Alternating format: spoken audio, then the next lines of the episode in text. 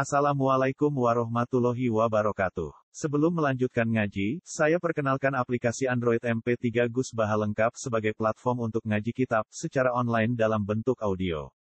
Aplikasi ini berisi berbagai kajian kitab kuning dari Kiai Haji Ahmad Bahaudin Nur Salim. Silahkan download aplikasi MP3 Gus Baha lengkap di Google Play Store. Link download ada di deskripsi. Wassalamualaikum warahmatullahi wabarakatuh. Sesuai janji saya, untuk menghormati UI, saya tadi sudah matur sama Pak On juga sama direktorat. UI adalah kampus yang didirikan oleh para ulama, para profesor, sehingga sudah seharusnya setiap makalah ilmiah itu ada referensinya, ada marojeknya. Dan yang dipakai di seluruh dunia, di semuanya, untuk ulumul Quran itu yang paling pokok pakai kitab Al-Itqan. Al-Itqan fi ulumil Quran, karangannya Imam Suyuti. Sebelum saya terangkan teks persisnya itu ada sekian problem dalam memahami Quran, terutama kalau lewat terjemah. Problem itu bisa gawat, gawat betul, bukan gawat-gawatan tapi gawat betul. Misalnya ada ayat begini dan terjemahnya pasti begini. Fa'ai nama tuwalu fasamma wajibah. Kamu menghadap mana saja, di arah mana pun, di sana ada ridhonya itu kalau hanya pakai terjemah, tentu menjadikan kita sholat bisa menghadap ke timur, ke barat, ke utara, dan ke apa? Selatan. Saya cerita sedikit tentang asbabin nuzul. Memang e, tema sekarang tentang asbabin nuzul. Dulu Rasulullah Shallallahu Alaihi Wasallam ketika di Mekah itu sholat menghadap Ka'bah. Tapi setelah pindah di Medina, di mana Medina itu ada komunitas Yahudi dan Nasrani, Rasulullah itu menghadap ke Baitul apa? Maqdis. Kira-kira 16 bulan. 16 sampai 17 bulan. Semua riwayat itu kisarannya hanya 16 sampai berapa? 17 bulan. Sehingga orang Yahudi itu bilang begini, Muhammad ini baiklah. Meskipun dia membawa agama baru, tapi kiblatnya masih ikut kita. Masih baik kan? Setelah 16 bulan, Nabi diperintahkan Allah untuk menghadap ke Ka'bah. Awal jaga syatral masjidil haram. Maka orang Yahudi itu berontak. Berontaknya adalah kiblat mereka ditinggalkan. Cara berpikir orang Yahudi itu kiblat mereka ditinggal. Sehingga mereka bilang mawallahum ang qiblatihim allati kanu alaiha. Apa yang menjadikan umat Islam berpaling dari kiblat Baitul Maqdis. Kemudian mereka provokatif betul. Ini perlu diperjelas. Provokatif. Bilang begini. Inna Muhammadan tahayyara fi Muhammad ini bingung dalam beragama sehingga Habis ngomong A, ngomong B. Habis kiblat Ka'bah, kiblat Baitul Maqdis. Sehingga dalam banyak tarikh disebutkan peristiwa kiblat itu terbanyak melahirkan orang murtad, orang yang keluar dari Islam gara-gara provokasi orang Yahudi Muhammad tahayyara ini Muhammad itu bingung dalam menentukan pilihan apa? beragama. Kemudian walhasil singkat cerita akhirnya Nabi itu madep Ka'bah. Apa yang terjadi mujizat itu adalah bahwa agama ini agama yang mewakili semua agama sebelumnya yang masih orisinil. Yaitu Nabi akhirnya berargumentasi Ka'bah adalah kiblat yang asli, yang lebih tua. Terus mereka tanya, buktinya apa? Dijawab oleh Quran, fihi ayatum bayinatum maqamu apa? Ibrahim. Ka'bah bukti tertua adalah di situ ada makam Ibrahim. Makam itu jejak kaki. Ya kalau bahasa Indonesia makam itu kuburan, kalau dalam bahasa Arab makom itu jejak apa? Jejak. Sehingga diketahui oleh sejarah dibuktikan di situ ada jejak, jejak kaki siapa? Nabi Ibrahim. Sementara nisbatnya Betul Maqdis itu adalah kepada Nabi Musa dan Nabi Harun. Yang ini adalah turunan dari Nabi siapa? Ibrahim. Hikmahnya apa? Begini sebagai bukti bahwa Baitul Maqdis pernah menjadi poros Islam atau poros tauhid, maka Nabi Muhammad pernah disuruh menghadap ke Baitul Maqdis. Buat inget-ingetan kalau ini pernah menjadi poros apa tahu? Tahu. Tapi tetap tua-tuaan masih tua apa? Kak. Nah, kenapa tua Ka'bah tadi? Karena Ibrahim adalah Abul Ambiya, bapak dari para dan di situ ada jejak kakinya. Fihi ayatum bayinatum makom. Bukti itu belum cukup. Dibuktikan lagi bahwa Ismail kecil itu hidupnya di Ka'bah. Kita tahu sa'i bena sofa wal marwah adalah karena Siti Hajar sedang mencari apa? Jadi ada bukti sekian, bukti empirik bahwa Ibrahim itu kiblatnya itu Ka'bah, bukan Baitul sehingga ada kata-kata fihi ayatum bayinatum maqamu tanpa ngerti asbabin nuzul, kamu akan mengartikan fa'i nama tuwal fasam mawajwa itu salah. Karena di situ kamu menghadap mana saja, maka di situ ada ridhonya maka para ulama memberi catatan. Maksudnya begini, kamu menghadap ke mana saja, asal itu yang diperintahkan Allah, maka di situ ada ridhonya harus seperti itu maknanya, disesuaikan dengan konteks asbabin Tanpa seperti itu tidak bisa. Dan masih banyak lagi kepentingan tentang asbabin Jadi problem sekarang adalah banyak mufasir yang hanya mengartikan dari terjemah. Itu bahaya sekali. Jika ada orang yang menikah secara mut'ah. Itu kan mirip kayak transaksi zina. Mereka berdalil famas tam taktum bihi minhunna fa'atuhunna ujurahun. Perempuan yang sudah kamu nikmati yang penting kamu bayar. Terjemahnya seperti itu. Karena ujur itu jamaknya ujroh. Itu fatal sekali. Padahal ayat itu begini, settingannya begini, setting siakul kalamnya atau asbab nuzulnya begini. Ini sekaligus, memang saya sengaja ngaji dengan tema yang berat, bentuk penghormatan pada yang ngaji. Kalau temanya ringan kan kayak TPG, jadi ini supaya gue keren-kerenan ini ada dokter Pak Oni pernah dekan Fakultas Hukum. Jadi kalau saya nanti salah tinggal ditangkap saja, gampang kan? Tapi nangkap saya berurusan dengan Tuhan. Kalau orang dekat Allah itu yang yang tanggung jawab itu Allah. Jadi dia bisa menang di kepolisian tapi kalah di hukum Tuhan. Berhadapan-hadapan dengan saya. Begini asbabun nuzulnya begini. Wal muhsonatu minan nisa yang awal juz 5 itu ya kita santai aja. Yang awal juz 5 itu itu sebetulnya maktuf diatafkan pada ayat hurrimat alikum ummahatukum wa banatukum wa akhwatukum wa ammatukum wa kholatukum wa banatul akhi wa banatul Jadi perempuan yang haram dinikah itu ada tujuh. Yang faktor nasab, yaitu siapa? Ibu, putri, saudara putri, bulik dari bapak, amah itu bulik dari bapak, Kholah itu bulik dari ibu, keponakan dari saudara lelaki, keponakan dari saudara perempuan. Ini disebut haram karena nasab, nasab gen. Kalau orang Jawa bilang hanya empat karena ngitungnya bulik baik dari bapak maupun ibu. Kalau orang Jawa bilang kan bulik terus keponakan dihitung satu. Padahal ada keponakan dari saudara lelaki, ada keponakan dari saudara apa? Perempuan wabanatul akhi wabanatul ukhti. Terus kedua, haram karena rodok. Kita tahu dalam hukum Islam rodok adalah sama dengan nasab. Jadi ibu yang pernah menyusui kamu berarti jadi ibu kamu. Dan saudara sepenyusuan berarti menjadi saudara. Ini disebut wa ummahatukum allati ardo nakum wa akhwatukum minar. Terus ketiga, haram karena musoharoh, karena besanan. Jadi pagi ini misalnya saya nikah dengan Sri, bilang qabil tu nikah wa taswijaha bil setelah nikah dengan Sri ini otomatis ibunya dia menjadi mertua. Otomatis haram saya apa? Nikah. Ini namanya haram karena musuh. Atau kamu punya anak Zaid. Zaid pagi ini akad dengan Sri. Berarti Sri adalah menantu Anda. Otomatis haram bagi Anda. Itu namanya haram karena musuh haram. Karena bisanan.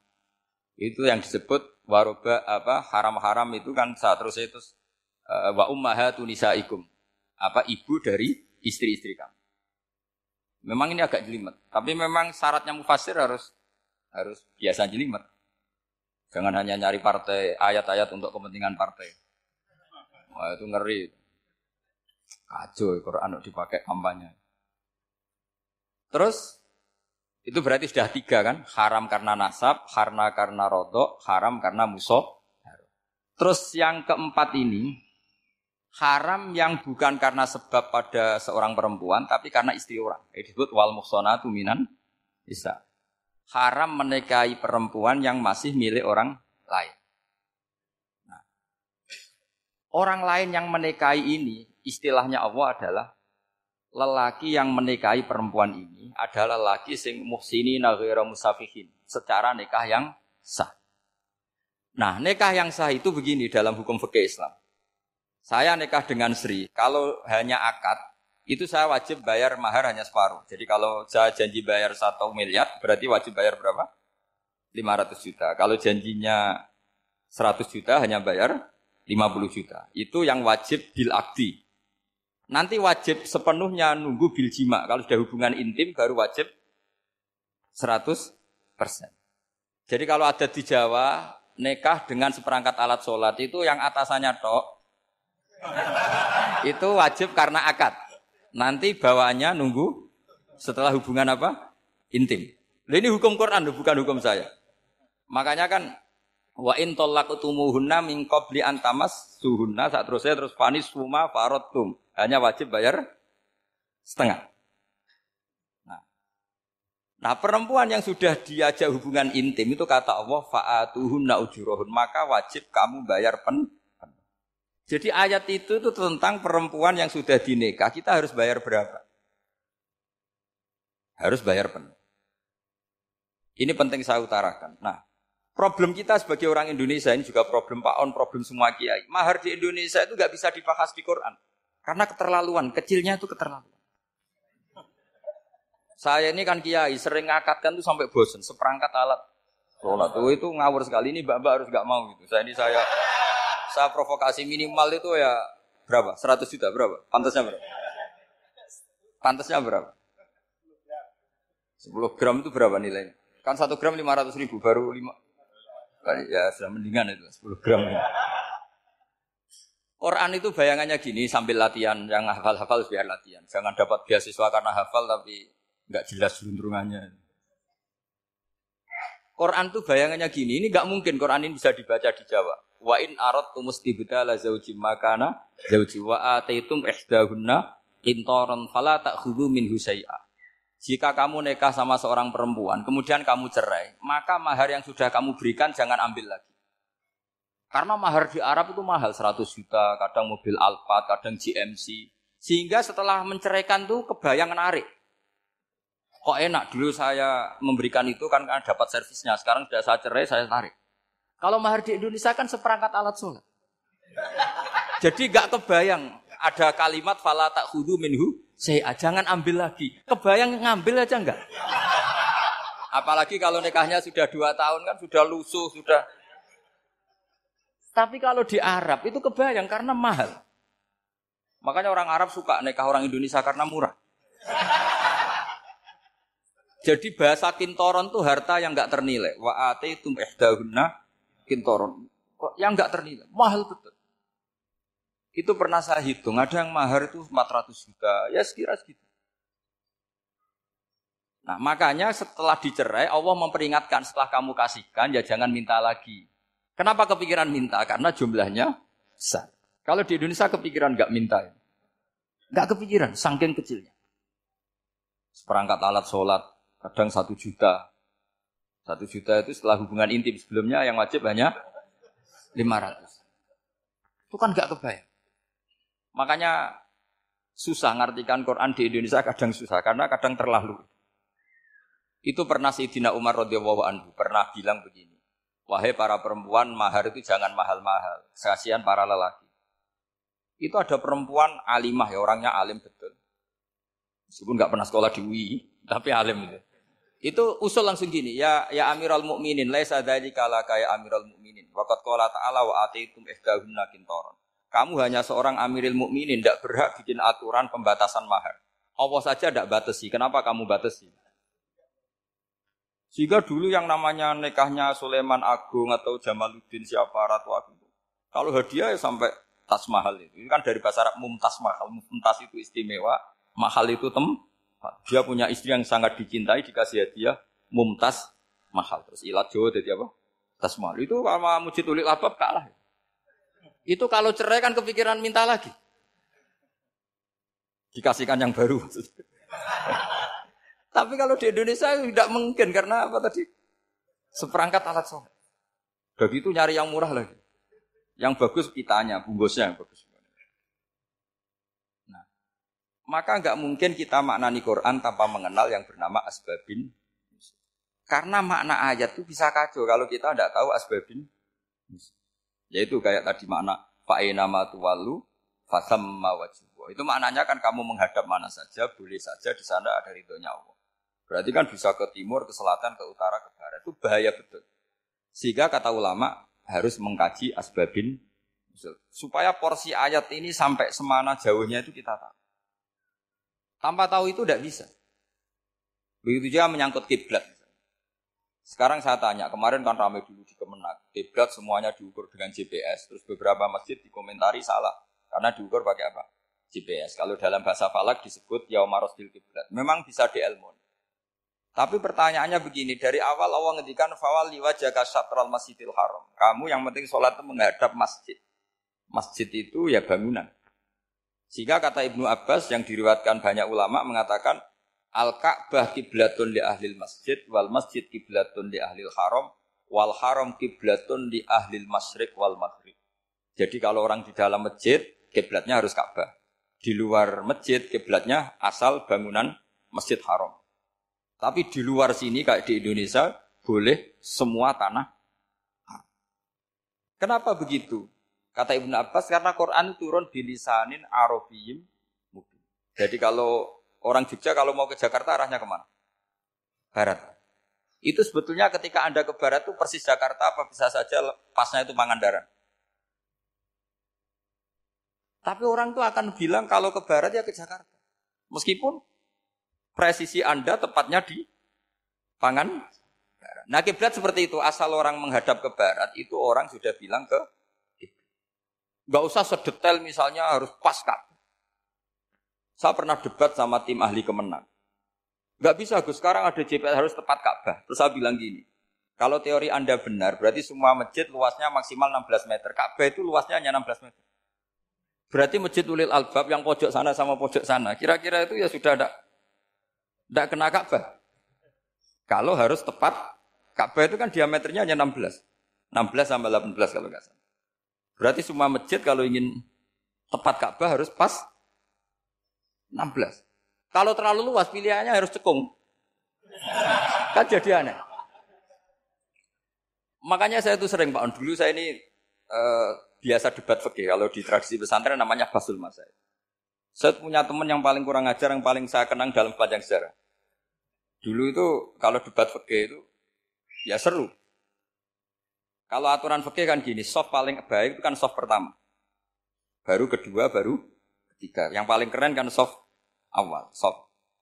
Terus teman saya bilang gini, Pak. Ya kalau gitu gini aja, Gus. Desain masjid itu memanjang utara selatan. Biar semuanya soft awal. Gara-gara didesain begini kan ada soft 2, soft 3. Apa susahnya? Kita bikin mulai awal supaya masjid itu memanjang utara apa? Selatan. Supaya semuanya soft awal. Ya kalau ada hukum ya diimplementasikan dalam desain bangunan katanya. Jadi. Itu kan kacau.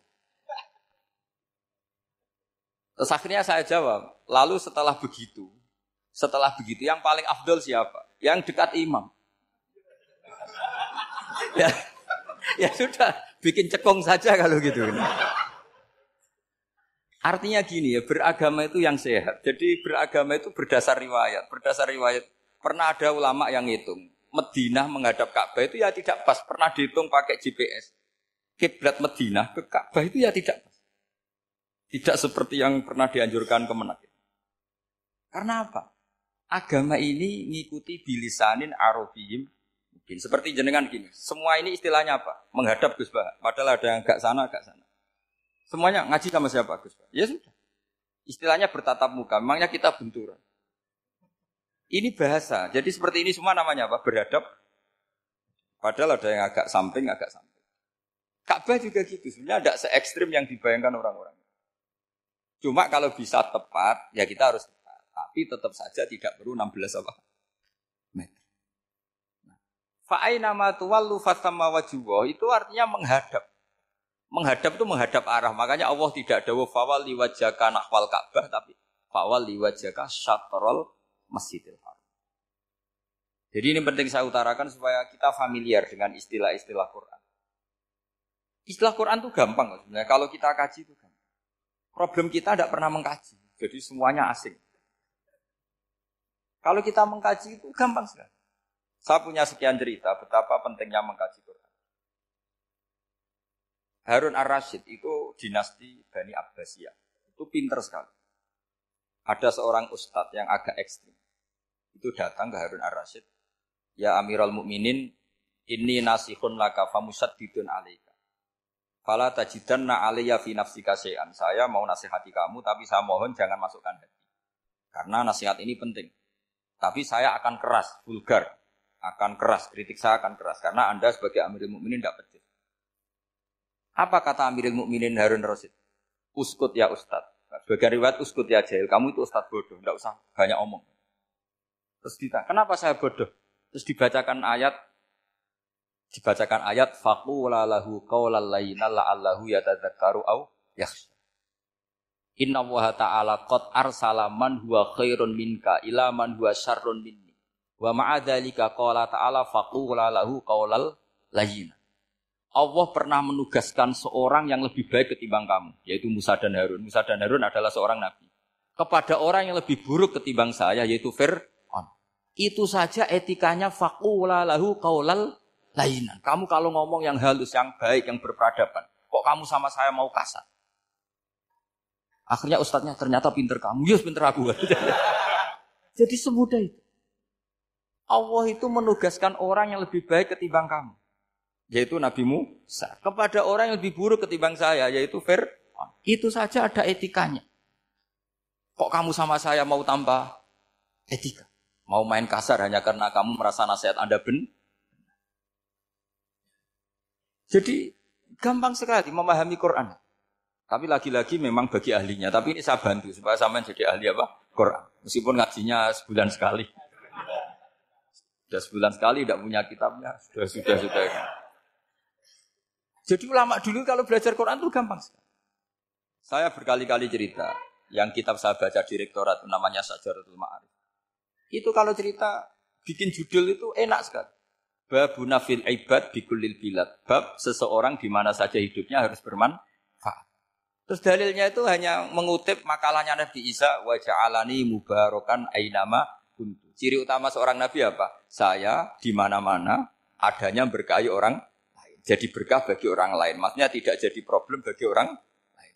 Artinya kamu hidup entah di Jogja seperti Pak Ono orang Jember, saya orang Rembang. Hidup di Jogja manfaat, di Jember ya manfaat di mana-mana. Saya pernah di Korea seminggu ya manfaat.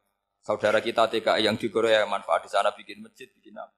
Karena ngendikane Allah menceritakan Nabi Isa siapa? Wajah alani mubarokan ainama kuntu. Saya adalah orang yang di mana-mana berkah. Artinya manusia eksistensinya harus seperti itu, hidup di mana saja. Gampang sekali mah. Pernah Imam Syafi'i ditanya, kalau kamu nggak kehilangan air atau nggak ada air di satu daerah, cari-cari dulu sampai gak ketemu. Setelah gak ketemu air, baru kamu boleh tayam. Imam Syafi'i ditanya, apa dalilnya harus mencari dulu? Kalau gak ada air ya langsung tayamum saja. Kenapa harus nyari-nyari dulu? Jawabnya Imam Syafi'i itu gampang sekali. Qala ta'ala falam tajidumaan. Kemudian kamu tidak menemukan di mana-mana tidak menemukan setelah mencari. Kalau belum mencari namanya tidak tahu. Kan ayatnya kan falam tajidu ma'an. Kemudian kamu tidak menemukan tidak menemukan tuh nyari dulu apa langsung ambil sikap? Nyari dulu baru kesimpulannya tidak ketemu. Kalau belum pernah nyari namanya tidak tahu. Segampang itu lama dulu memahami Quran karena konstruksinya utuh. Yaitu mereka tahu betul bahwa Quran itu bilisanin Arabiyim ketika Futuhat Syam. Syam dulu itu dikuasai tentara Romawi. Era Sayyidina Umar Futuhat. Yerusalem di kuasai tentara Islam. Itu awal Sayyidina siapa? Umar. Umar radhiyallahu anhu. Ketika Futuhat mau ada pesta besar-besaran. Tapi Umar menolak. Ketika menolak, kenapa Anda menolak? Beliau hanya membaca ayat Inna wa ta'ala ayyara qauman faqala adhabtum thayyibatikum fi hayatikumud dunya. Allah itu mengkritik satu komunitas kaum yang zaman di dunia menghabiskan semua kenik maka kita tidak perlu syukuran besar-besaran. Jangan-jangan jatah kita di akhirat kita habiskan di dunia. Itu toyibatikum fi hayatikumut. Semudah itu. Semudah itu ulama. Rasulullah pernah dahar, pernah makan. Makan karena tiga hari gak makan Cara di Indonesia nggak makan nasi, nggak makan daging sudah lama sekali. Tiga hari Nabi itu hanya makan kurma dan air putih. Pernah Nabi nggak makan roti sampai tiga hari. Kalau Indonesia mungkin nggak makan nasi. Di hari ketiga ada sahabat yang berbaik hati, Nabi disembelihkan kambing, dipotongkan kambing, Nabi disuruh dahar. Itu baru dahar setengah piring, Nabi berhenti. Ketika ditanya, setengah piring itu kan sudah kuat untuk sholat, untuk apa sudah kuat. Ditanya, ya Rasulullah kenapa berhenti? Bukankah engkau tidak makan ini tiga hari? Nabi menjawab, walatus alun yauma idzin anin. Semua nikmat yang saya rasakan nanti ada pertanggungjawabannya. Makanya saya tidak ingin banyak-banyak. Wah itu kalau diterapkan di sini nggak populer. Makanya saya tahu gayanya ngaji Quran itu nggak siap dengan konsep-konsep Quran ini. Jadi segampang itu orang orang dulu. Nah karena apa ya itu tadi mereka tahu asbabun nuzul. Quran itu diturunkan dalam konteks apa? Lafat ini arahnya kayak apa? Mutlak mukoyatnya kayak apa? Muhkamu tasabehnya kayak apa? Nasah mansuhnya kayak? Nah sedikit saya cerita ini mungkin contoh terakhir supaya agak lama-lama nanti bingung kalau lama. Yang bingung ya saya bingung cara memahamkan. Jadi kalau guru itu kan bingung cara memahamkan, kalau murid bingung cara memahami. Gak tahu tingkat kebingungannya sama. Kalau guru itu bingung cara memahamkan. Kalau murid bingung cara. Jadi ini pertemuan dua kelompok bingung. yang satu bingung cara memahamkan, yang satu bingung cara. Kalau orang ekstremis bingung cara merusak suasana, nah, itu nggak benar itu. Ada loh. Rasulullah itu anak nabi. Itu paling pusing yang ngadepi orang-orang yang ekstrim. Karena apa? Cara berpikir itu lompatannya itu nggak nggak tertib. Jadi Nabi itu cara berpikir itu kecerdasan nubuah. Sementara orang ekstrim cara berpikir itu kecerdasan nafsu. Bukan kecerdasan manusia. Kalau manusia masih baik nafsu. Misalnya begini, kalau dalam tradisi nubuah itu. Saya dengan Pak Anu berteman lama, mulai tahun 2000 berapa. Itu kalau Pak Anu menertamu ke saya, harusnya tidak usah tak kasih makan. Karena sudah dekat. Tapi kalau kenalan baru itu dikasih makan, disangoni. Jadi Nabi itu perilakunya agak unik. Akhirnya ada orang yang cara berpikir itu dangkal. Ya Rasulullah ini tidak fair. Yang iman lama tidak diservis, yang iman baru diservis. Cara berpikir Nabi begini, orang Ansor itu kan sering memberi Nabi. Perjuangannya Nabi ditopang orang apa? Ansor. Donatur lah, kira-kira orang Ansor itu donatur. Donatur itu keren. Karena donatur itu artinya al yadul ulya khairum al sehingga ketika Nabi sudah menguasai negara, menguasai Mekah Medina, sudah futuhat, itu orang Ansor tetap nggak diservis. Yang diservis Nabi itu orang-orang baru masuk Islam disebut wal mu'allafati kulubu atau Islam mu'allaf. Ada satu dua orang yang protes, tentu yang nggak pinter. Tukang protes pasti tidak pinter. Wong iskal-iskalnya sendiri, otaknya nggak sampai-sampainya sendiri, orang lain disuruh jawab. Makanya di sini tidak ada tanya jawab. Nanti iskal-iskal kamu sendiri, bingung-bingung kamu sendiri. Saya disuruh jawab. Berarti Gus Pak gak mau ditanya. Ya memang gak mau karena tadi jawab sendiri aja. Nanti pinter sendiri. Kapan-kapan pinter sendiri. Akhirnya tanya begini, cara tanya gini. Ya Rasulullah, ini gak fair. Orang sudah Islam lama setelah negara terbuka milik Anda, setelah kita menang, setelah kita menguasai negara, tidak kamu servis. Sementara yang baru Islam kamu, Nabi itu bertanya senyum-senyum, rileks saja. Lama-lama tambah ekstrim pertanyaan. Kata Umar, ya Rasulullah saya beri izin untuk membunuh orang ini. Umar itu pikirannya karena mangkel lo Nabi. Nabi jangan. Kalau kamu bunuh, nanti apa kata orang banyak? Inna Muhammad dan Yaktulu Ashabah. Dikira Muhammad membunuh sahabatnya sendiri. Nabi masih masih mendengar. Komplainnya masih mendengar. Lama-lama Nabi memberi penjelasan. Kamu-kamu ini orang ansor. Kamu biasa memberi saya, memberi dana perjuangan. Memberi itu hebat. Saya tidak ingin menurunkan grid Anda. Grid sebagai pemberi, berarti kelasnya elit. Sekarang menjadi pener, penerima. Itu tidak bagus. Itu betapa Rasul ini namanya kecerdasan nubuah. Kalau orang biasa memberi, biar memberi saja. Supaya dia tetap heroik, tetap patriotik, tetap keren. Karena mentalnya pem. Jangan sampai dari mental memberi, kemudian mentalnya peminta jadi kalau Pak On jadi tim suksesnya Pak Jokowi ya tidak minta-minta. Kalau kalau dulu kampanye ya kampanye saja. Biar memberi terus nggak pernah minta. Meskipun akhirnya ya gendong. kalau tapi Nabi dulu tidak gitu. Jadi orang Ansor itu nggak pernah diservis. Padahal jasanya kayak gitu. Supaya kelasnya tetap kelas kelas elit, yaitu pemberi, petanggung, penanggung jawab. Nabi gak ingin orang Ansor turun grade menjadi penerima. Orang-orang yang cerdas nubuah menerima konsep Nabi seperti. Lo tanya sama Pak On, saya ada Dani terjemahan UI itu puluhan tahun sama Pak. Itu beliau ke kontrakan saya, saya ke rumah beliau. Tidak pernah berharap apa. Saya sangat tertutup. Bukan apa-apa ya, kalau ingin memberi, memberi saja. Kontribusi saya pada Al-Quran. Saya tidak kepikiran mendapat. Supaya heroik. Tapi orang-orang yang cerdas cerdas tadi, cerdas amatir tadi, ini gak fair. Wong yang memberi lama kok dapat servis sedih. Nah, sekarang itu problem zaman akhir sudah mulai seperti itu. Nah, orang ini namanya Zul Khuwaisiro. Ini yang nanti punya anak turun Khawarid. Khawarid itu orang yang ibadahnya hebat, tapi cara berpikir tentang buah salah. Orang lagi Khawarid itu orang ibadahnya hebat, tapi cara berpikir nubuah. Nubuah itu unik. Nubuah itu cara berpikir tadi. Apa ya? Melihat sesuatu yang benar biar benar terus. Gitu. Ya itu tadi, mental memberi itu ya biar memberi terus, tidak usah di Maka ketika Abu Bakar jadi khalifah, jadi khalifah Rasulullah, itu ada sistem kepegawaian. Itu gajinya Umar yang sudah Islam lama, gajinya Abu Bakar yang sudah Islam lama. Itu sama Abu Sufyan sama, padahal Islamnya Abu Sufyan baru setelah Fatih Mekah. Kira-kira baru setahun. Terus diprotes sama orang-orang, ini Islam lama kok gajinya sama Islam yang baru setahun kok sama. Kata Abu Bakar, Fado ilhum indawo. Mereka punya kelebihan Islam lama itu indawo. Nanti balasannya biar surga. Kalau di dunia sesuai profesinya. Artinya profesi kalau penjaga kantor ya berapa, kalau dosen berapa, pokoknya ya sudah. Dan itu diterima oleh sahabat. Semuanya nerima konsep itu. Era Umar agak dibalik.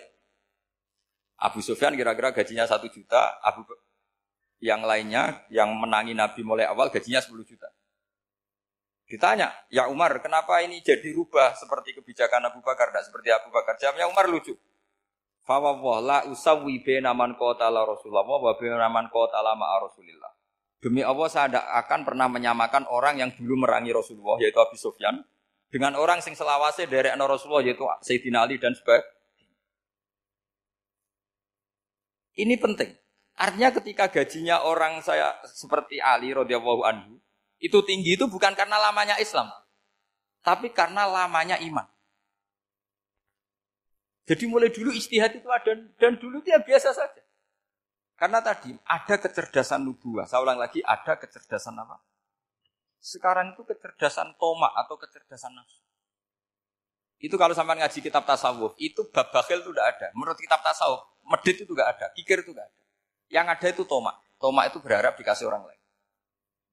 Sampai pernah nggak bilang kalau artis-artis di Jakarta kikir? Tidak pernah kan? Karena kamu tidak pernah ingin diberi. Tapi kalau kamu punya pacar karena kenal tidak pernah ditraktir, oh pacar saya kikir. Karena kamu ingin diberi. Pernah nggak kamu hukumi orang lain kikir yang nggak kenal? Padahal tidak pernah memberi kamu. Apa? Karena kamu tidak pernah i. Coba sekarang kamu saya tanya, ini latihan cerdas. Definisi kikir itu apa tuh Pak? Gak pernah memberi kamu kan? Artis-artis Jakarta, tokoh-tokoh nasional pernah gak memberi kamu? Enggak kan? Tapi enggak pernah kamu vonis kikir. Karena kamu enggak pernah tahu. Tapi pacar kamu, kok amin ditraktir terus? Atau istri kamu, atau mertua kamu, kok enggak ngasih warisan, kamu bilang kikir enggak? Sebabnya kikir betul apa karena kamu tomak, berharap? Tomak. Maka di kitab tasawuf itu enggak ada bab kikir, yang ada bab tomak. Karena asal usul menfonis orang kikir itu karena tamak. Maka jangan banyak kenal orang, nanti banyak hukum kamu kan. Sombong juga gitu. Di tasawuf itu gak ada bab sombong. Karena orang hukum orang lain sombong itu karena kamu ingin dihormati. Ada orang gak kenal. Terus lewat saja gak tanya kamu. Kamu bilang sombong enggak? Enggak kan? Tapi kalau kenal, oh sombong betul, kenal gak tanya kan. Gitu. Jadi tasawuf itu sisi unik dari khazanah Islam. Makanya di tasawuf itu gak ada kritik terhadap kikir. Ya tentu kikir itu buruk, pasti ya kikir itu buruk. Tapi gak perlu dikritik. Jangan-jangan yang salah kamu. Mau kenal Pak On di PPAI terus ingin jadi sekretarisnya. Terus ingin kenal Pak Jokowi ingin jadi menterinya. Nanti kenal rektor ingin jadi pegawainya. Ketika gak diturutin bilang Pak Rektor kikir. Tapi orang lain ya kak pernah berharap. Mungkin gak menfonis Pak Rektor atau Pak On ini kikir. Enggak kan? Berarti vonis kikir itu status orang itu apa gak kesampaian niat kamu? Memang agak jelimet ilmu tasawuf itu, tapi itu unik. Itu bagian dari khazanah apa? Islam. Makanya Rasulullah itu sering istiadah minta perlindungan wa min toma'en fi ghairi matma'in. Ya Allah, saya tidak ingin berkeinginan yang tidak layak. Karena semua dunia ini dimulai dari keinginan. Coba kamu protes negara itu karena apa? Ingin makmur, sejahtera tanpa kerja. Sehingga nyalakan menteri keuangan, menteri ini. Makanya kalau guyonannya ulama tasawuf gini, tak beri bocoran. Guyonannya orang tasawuf. Begini guyonannya. Anta lam tajid min nafsi kakul lama turid. Fakai faturi itu min ghairi kakul lama turid. Kamu yang punya keinginan saja tidak bisa memenuhi apa yang kamu inginkan. Kenapa keinginan itu kamu timpakan ke orang lain untuk memenuhi kamu? Wong kamu yang punya keinginan saja tidak bisa mewujudkan. Kenapa keinginan Anda kamu timpakan, bebankan orang lain untuk memenuhi keinginan Anda? Misalnya kamu, Gus saya ini goblok, tolong pinterkan. Wong kamu yang ini saja tidak bisa. Kok menyuruh saya? Jadi kalau tiap tasawuf itu unik. Seperti kamu mencintai istri tulen itu ingin kan dicintai istri tulen. Kamu sendiri kan nggak bisa cinta tulen, masih pelengahan sana sini. Kamu pacaran, ingin pacar kamu setia. Ternyata kamu bikin sekian alternatif. Kalau putus ini punya ini putus ini. Tapi kamu ingin ini setia kan nggak fair. Makanya guyonnya orang tasawuf itu anta lam tajid min nafsi kakul lama turid, fakai itu min ghairi kakul lama turid. Gampang tuh apalane pokoknya pokoknya ratrit gitu aja gampang. Jadi kamu yang punya keinginan saja tidak bisa memenuhi. Kok orang lain disuruh memenuhi. Sehingga orang tasawuf itu malu betul. Misalnya saya kok ingin Pak On takdim sama saya itu kurang pegawai. Kalau saya ingin ditakdimi saya, saya menakdimi diri saya sendiri. Makanya berbahagialah orang yang ngilu terus saya ganteng sendiri ya Allah. Saya kaya sendiri. Menunggu orang lain bilang kamu kaya itu repot. Menunggu orang lain bilang kamu hebat itu Ya sudah bilang aja, ya Allah saya hebat, ya Allah saya ganteng, ya Allah saya cantik. Daripada menunggu orang lain bilang apa? cantik. Jadi ilmu tasawuf itu unik. Jadi kalau fikih itu yang dikritik itu kikir. Kalau tasawuf enggak toma. Karena orang yang kamu vonis kikir itu jangan-jangan tidak kikir tapi mementingkan yang lebih penting. Misalnya ada teman yang tidak pernah nakdir kamu, ternyata punya ibu sakit, uangnya dianggarkan untuk ibunya yang sakit atau anaknya sekolah atau keluarganya masih butuh biaya sehingga sama teman dia kikir. Hakikatnya kikir apa mementingkan yang penting? Tapi kamu karena gak pernah ditraktir menfonis kikir. Nah, ini pelajaran. Jadi makanya yang dianteni ilmu tasawuf itu tomak, tamak tadi kalau dalam bahasa Indonesia, bukan kikir. Karena fonis kikir itu akan disematkan orang yang tidak kesampaian hajatnya. Pokoknya bapak saya itu, keluarga kiai itu ajarannya yang penting jangan berharap dari orang lain. Ini Pak On saksinya, saya dulu benain terjemah itu nggak pernah ingin diperlakukan seperti itu. Yang ngaji aja. Karena pikirannya keluarga kiai itu sederhana. Kalau ngamal ya ngamal saja. Ngamal tuh heroik. Makanya buyut-buyut kita semua ini kan pahlawan semua. Membela negara Indonesia jadi merdeka. Ya nggak pernah kebayang jadi presiden, menteri. Tapi sekarang nggak ngamal sedikit saja harus jadi menteri, jadi ini bahaya kalau dalam kelangsungan bernegara karena orang biasa transaksional. Awal negara ini dibangun berdasar heroik bukan berdasar apa? Transaksional. Tapi sekarang orang akan berla, akan apa membiasakan itu apa-apa itu transaksional. Ini tidak bagus untuk kelangsungan bernegara. Apalagi kelangsungan beragama. Sehingga seperti saya ini masih punya desa-desa binaan di Seragen, di pedalaman Papua sekalipun. Saya punya santri banyak di Papua. Itu kalau cerita itu unik-unik itu mau Jumatan, itu nggak ada orang 40. Sudah datang setengah 12, itu datangnya tiga jam. Di situ mau ketemu santri tiga. Semua, karena ya akhirnya mereka tanya gini Pak, pertanyaannya itu lucu. Gus, boleh nggak Jumatan orang tiga? Secara fikih syafi'i kan harus orang empat. Kemudian mereka tak bilang buat sholat duhur saja. Mereka nggak mau. Wong Jumat Jumat kok duhur. Harinya kan Jumat, masa sholatnya sehingga kita-kita yang jadi kiai akhirnya nyari nyari figul madhabil arba. Nyari fakih madhab. Ternyata Imam Malik membolehkan orang enam. Ada yang bilang dua belas. Yang penting keceluk jamun. Jamun itu kelompok. Kalau tiga kan belum keceluk apa? Belum. Belum disebut apa? Ini penting saya utarakan supaya kita berjuang itu bukan karena service seperti ini kayak di Ulil Alba masjidnya keren, kampus swasta tertua terus termasuk nomor satu dua di Indonesia. Oke kita syukur dengan kebesaran UI. Tapi yang namanya dakwah itu menjadikan orang tidak tahu menjadi tahu. Termasuk kepada desa-desa terting. Sama. Yang namanya menteri itu pembantu presiden untuk memenuhi kebutuhan rakyat banyak. Sekarang misalnya menteri pertaniannya itu hebat cerdas, tapi petani nggak mau nandur padi mau apa? Coba yang membantu ketahanan pangan itu para petani mau nanam padi apa karena menteri pertanian pertanian? Karena petani mau nanam. Ya sudah GR saja kita pembantu presiden semua. Karena ikut menyumbangkan ketahanan Tapi kamu kan gak digaji, kita keren, ngamal tanpa harap gaji. Ini enggak, ini penting. Supaya Anda itu enggak enggak hati kecil gitu.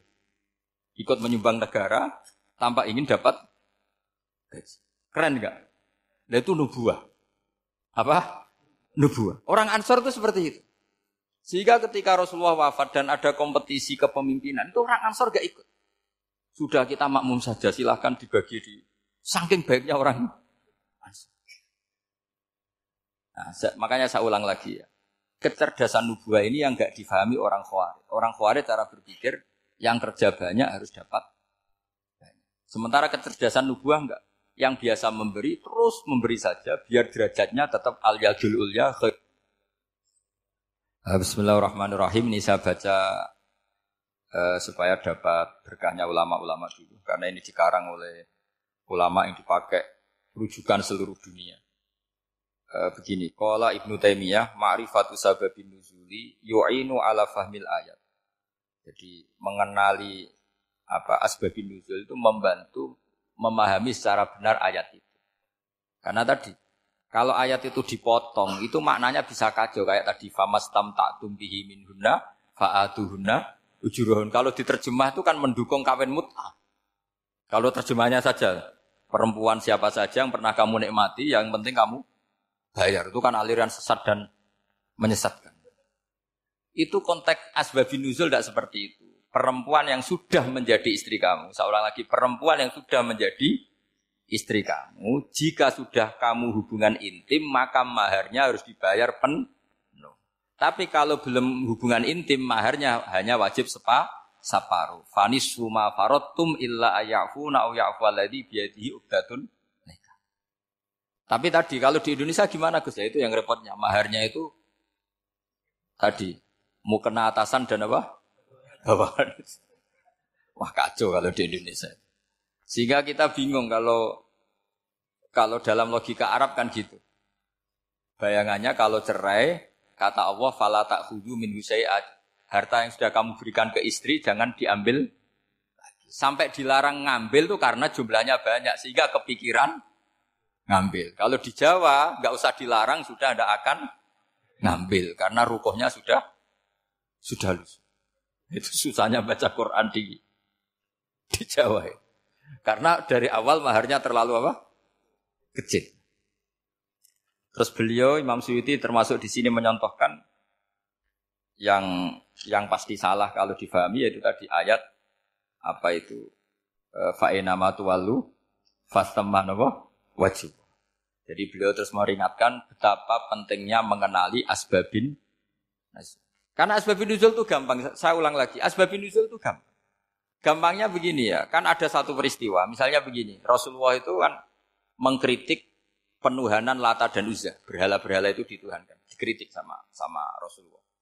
Kemudian mereka begini, karena mereka biasa personifikasi Tuhan. Muhammad, kalau Tuhan itu tidak lata uzza, dan itu terbuat dari batu, lalu Tuhan Anda itu dari apa?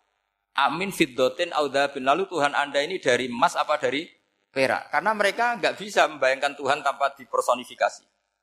Terus Allah menurunkan kul huwallahu ahad, Allahus somat lam yalid wa lam yulad wa lam yakul lahu kufuwan Karena otaknya mereka sudah begitu. Yang namanya Tuhan itu harus dipersonifikasi. Makanya saya kemarin di Korea seminggu, cerita yang paling unik gini Pak On, ada bos Islam, ada bosnya TKI yang baik. Mereka mengizinkan pekerjanya sholat. Bareng sholat tuh diingeti ke atas, ke bawah, kok gak ada arcanya.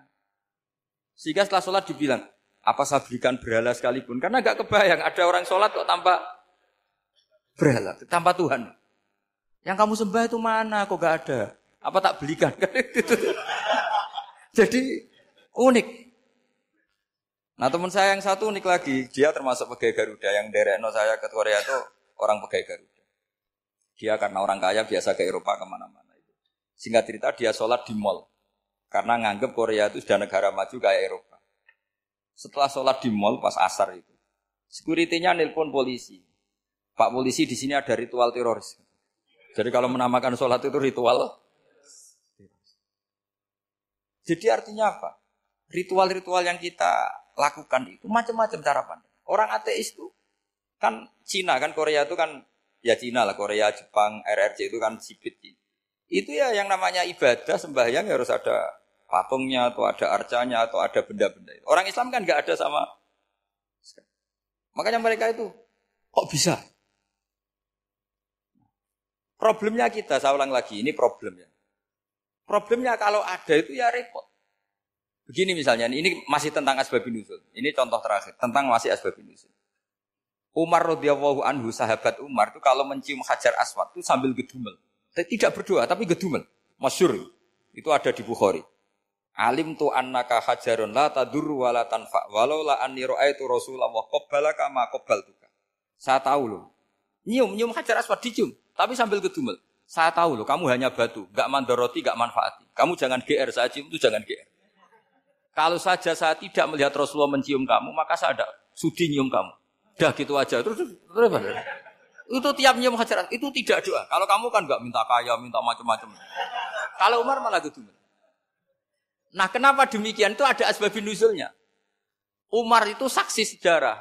Ketika Rasulullah Fathi Mekah, Nabi kan tawaf terus mencium hajar. Itu di belakang masih banyak orang kafir. Kebetulan Umar masih di sana. Sudah Islam Umar, tapi dia di belakang. Dengar orang-orang kafir, Muhammad itu tua aneh. Katanya nyembah, katanya melarang nyembah batu. Ternyata dia nyembah batu.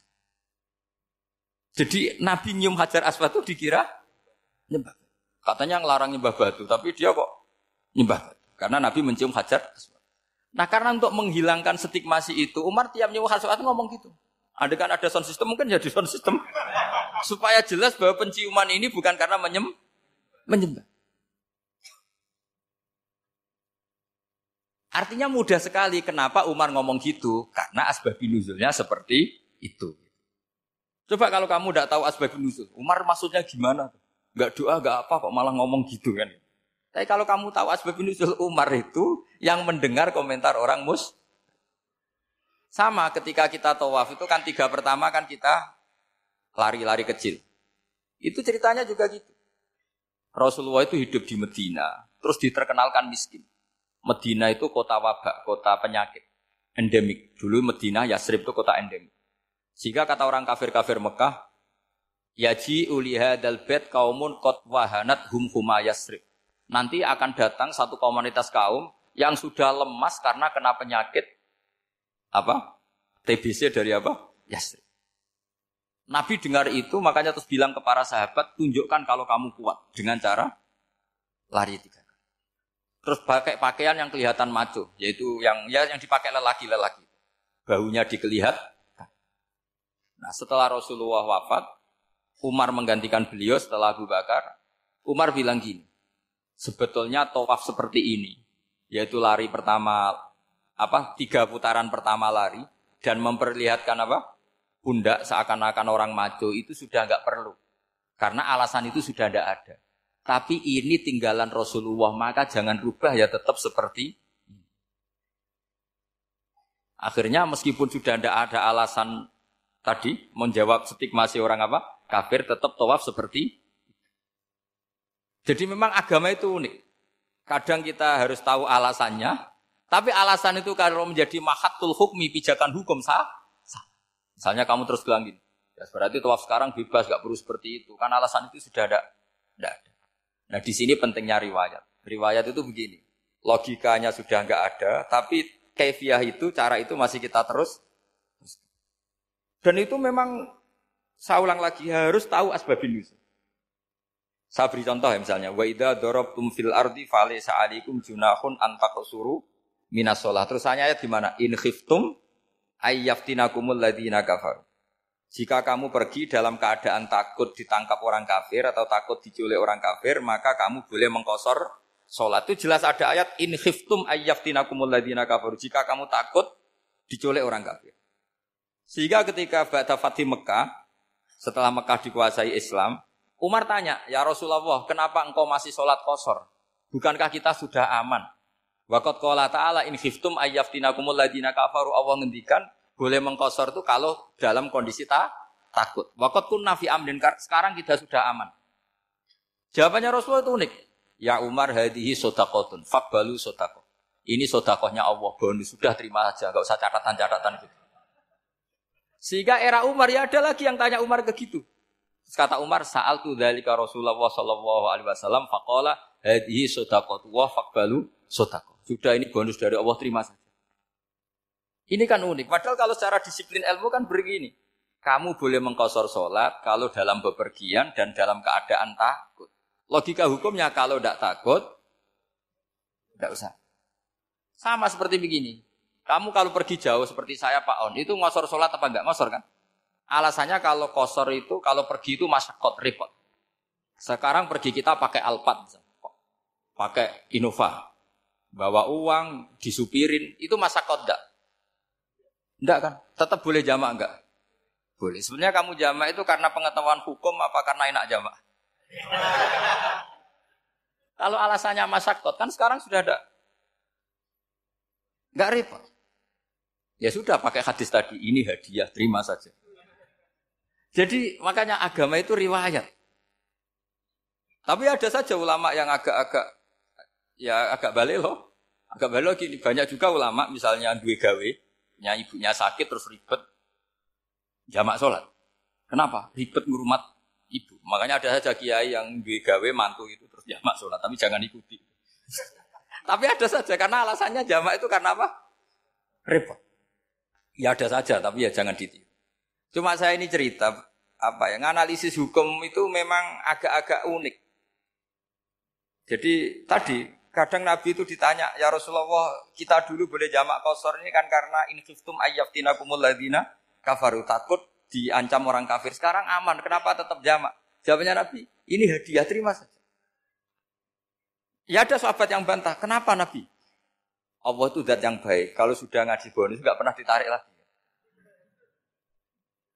Makanya Nabi kalau berdoa itu unik. Ya, siapa yang disiksa di dunia karena dosanya, fawahu akromu min ayyus sanniya uqubatahu fil akhir. Kalau ada orang salah kok di dunia sudah dikasih sanksi, Allah itu lebih mulia untuk mengulang nanti di akhirat. Akrom itu Allah terlalu mulia maksudnya orang kepikiran wis males ya selesai tidak akan di kalau sampean kan enggak, masih ingin lagi, ingin lagi. Jadi itu cara berpikir apa? Nubuah. Jadi berpikir nubuah itu beda. Ada orang pas sujud diinjek sama orang fasik. Diinjek, kemudian si yang sujud tadi, wawah la yaghfiru laka. Demi Allah, Allah tidak akan ngampuni kamu. Itu langsung Allah memberi wahyu sama Nabi di zaman itu. Bilangin yang sedang sujud itu. Dia harus minta maaf sama saya, kata Allah. Mangdalladhi ta'ala ala fulan. Dia bersumpah bahwa Allah tidak akan memaafkan orang itu. Itu harus diralat. Nabinya iskal, kenapa ya Allah? Yang Tuhan itu saya. Saya ini punya sifat dua, bisa menyiksa dan bisa memaafkan. Kenapa dia milih sifat saya satu tidak memaafkan? Akhirnya apa? Orang yang nginjek tadi sama Allah dikasih tobat dan jadi orang soleh. Jadi itu makanya kamu nggak boleh jadi orang ekstrim nyifati Allahnya satu. Enggak boleh, Allah tetap bisa yaufiru lima yasa wa yu'adzibu Sifatnya Allah dua ya tetap dua, enggak boleh kamu pilih satu. Misalnya kamu kan biasanya gini, yang ghafur untuk kamu, yang satu dulu kop untuk orang lain. Mesti kelakuan sampean kan begitu. Enggak boleh seperti itu. Rasulullah kayak apa bencinya sama Wahsy? Karena Hak Wahsy itu qatilul Hamzah. Yang membunuh Sayyid Hamzah siapa? Itu bencinya bukan main Rasulullah. Sampai masuk-masuk Wahsy. Tapi sama Allah malah diturunkan ayat laisa laka minal amri syai'un aw yatuba alaihim aw yu'ad Muhammad, meskipun kamu kekasih saya itu tidak wilayah kamu, maafkan atau enggak, terserah saya kata Allah. Ternyata betul, malah wasi dikasih tobat. Nah sekarang enggak orang itu nyifati Allah sama orang lain sadidul ikob, kalau sama dirinya. Enggak boleh seperti itu. Allah ya sifatnya tetap dua. Jadi boleh kamu misalnya berdoa ya Allah mbak yang cantik itu semoga dapat istri jadi istri saya. Mbaknya juga boleh berdoa. Ya Allah, naudzubillah min dalik. Jadi ini adu kekuatan. Nanti terserah. Nanti Allah pihak yang mana. Kayaknya pihak yang perempuan. Karena kasihan kan kalau cuantik dapat orang apa? Jelek. Saya tuh andaikan boleh fatwa fikih, yang saya haramkan tuh orang jelek dapat orang jelek. Karena kasihan anak-anaknya, tahu tahu-tahu jelek banget. Jadi kan kasihan itu. Jadi dalam Islam itu seperti itu. Jadi apa pun benci kita sama musuh kita, Allah bisa saja memperlakukan musuh kita secara baik.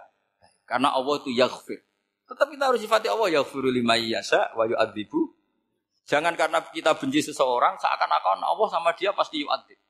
Pasti menyek. Itu yang dicontohkan Allah kepada Rasulnya. Itu beliau tidak cocok sama wahsi. Malah wahsi dikasih petunjuk. Makanya terus ada ayat apa? Laisalaka minal amri syai'un aw yatuba alaihim aw yu'atiba. Muhammad tidak wilayah kamu, saya menentukan mengadab atau mengam. Makanya rata-rata kiai ulama itu halim, orang halim itu rileks. Layinal janib tidak gampang menfonis orang lain. Biar Allah tetap dengan sifatnya yaf'aluma biasa bahwa Allah bisa melakukan apa saja. Soal kamu benci sama seorang, benci saja atas nama kamu. Jangan nyatut-nyatut Allah. Misalnya kamu cinta seseorang, wah ini yang calon presiden ini harus jadi presiden. Ternyata Allah menghendaki jadi menteri, mau apa? Ya Allah ya falumaya sak mau apa coba? Yang kiai atau Pak On, DPAI, pantasnya kan menteri agama itu Pak On. Tapi kalau Pak yang takdir gitu mau apa? Ya sudah, Allah ya falu. Santai aja. Itu rileknya ahlul ilmi, ya sudah santai saja. Ini negaranya Allah, ini kerajaan Allah, ini buminya Allah, ya Allah biarin ya falu Mas, oh, jadi Tuhan Allah kamu yang repot. Kira-kira jadi Tuhan itu Allah kamu yang repot. Ya Allah biar tetap yaf'alu mayasa. Allah boleh yaghfir lima yasa wa ya'tibu mayasa. Saya kira demikian. Assalamualaikum warahmatullahi wabarakatuh.